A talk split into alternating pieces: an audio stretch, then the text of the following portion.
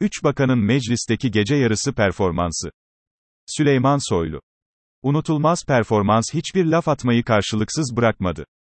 Laf atanlara karşı çok sertti. Hedefinde HDP sıraları vardı. Vurdukça vurdu. Sıkıştırdıkça sıkıştırdı. Bende şöyle bir şey olur. Çok sinirlenirsem asla hazır cevap olamam. Tutulup kalırım. Şunu fark ettim ki, Soylu, benim tam tersim.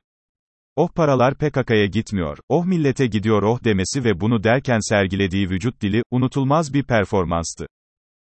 Konuşmasının en hararetli anlarını çıkarıp video yapsak. Konuşmasının neredeyse tamamını o videoya almamız gerekir. O dereceydi yani. Murat Kurum. Sakin ama sert. Bilgilendirmeye dayalı bir yaklaşım içindeydi. Sakin ve ağırbaşlı bir tarzı vardı. Yaptıkları çalışmaları anlattı. Kibar ve yapıcı bir dille konuştu. Bir milletvekilimiz burada şöyle dedi, bu doğru değil türü cümleler kurdu. Fakat bir ara HDP sıralarından laf atılınca aniden sertleşti. Sizin çevreciliğinizi Diyarbakır Sur'da gördük diyerek sesini yükseltti. En ağırlık verdiği konu kentsel dönüşüm konusuydu. Yapılanları ve yapılacakları rakamlar vererek anlattı. Fahrettin Koca. Polemik değil ikna. Tane tane anlattı. Matematiksel gitti. Boşlukta hiçbir şey bırakmamaya özen gösterdi. Rakamlara ağırlık verdi. Babacan bir tavrı vardı. İddialara cevap verirken, bu iddiayı dile getiren arkadaşımızın gözlerine bakmak istiyorum demesi çok ilginçti. Polemik yapmaktan ziyade ikna etmeye çaba gösterdi. En tartışmalı anlarda bile karşı tarafı ikna etmeye gayret etti. Konuşmasını bitirmesini istedi meclisi yöneten isim.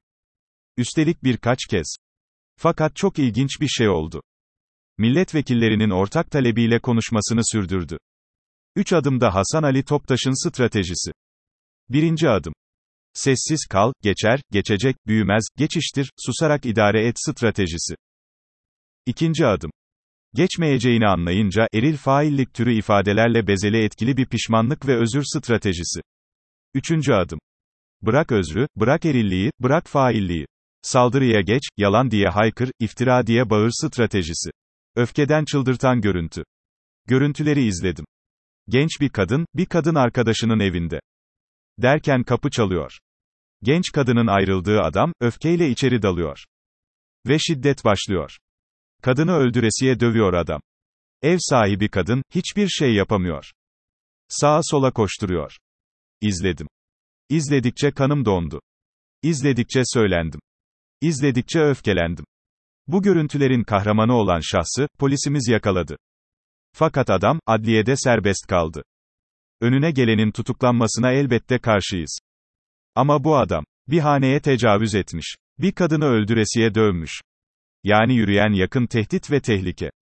Bu adam kodese tıkılmayacaksa kim tıkılacak Allah aşkına? Korona hastaları için refakatçi zorunluluğuna son verilmelidir. Geçenlerde Hürriyet Ekonomi Müdürü Sefer Levent yazdı. Babası korona olmuş. Hastanede. Sefer'e, sizin babanızın yanında refakatçi kalmanız gerekiyor denmiş. Sefer de kaldı. Ve beklenen son. Sefer, korona oldu. Sağlık Bakanlığı yetkililerine sesleniyorum. Sağlam girenin korona çıkması mukadder olan bu refakatçi uygulamasına lütfen bir son verin. Nasıl mutlu olursunuz? Her daim mutsuz. Hep yakınan ama hep yakınan. Yüzü hiç gülmeyen, gülmekten ödü kopan. Her cümlesi kötümser olan. Her yorumundan olumsuzluk akan. Kişilerle ilişkiyi keserseniz. %100 olmasa bile %70 mutlu olursunuz.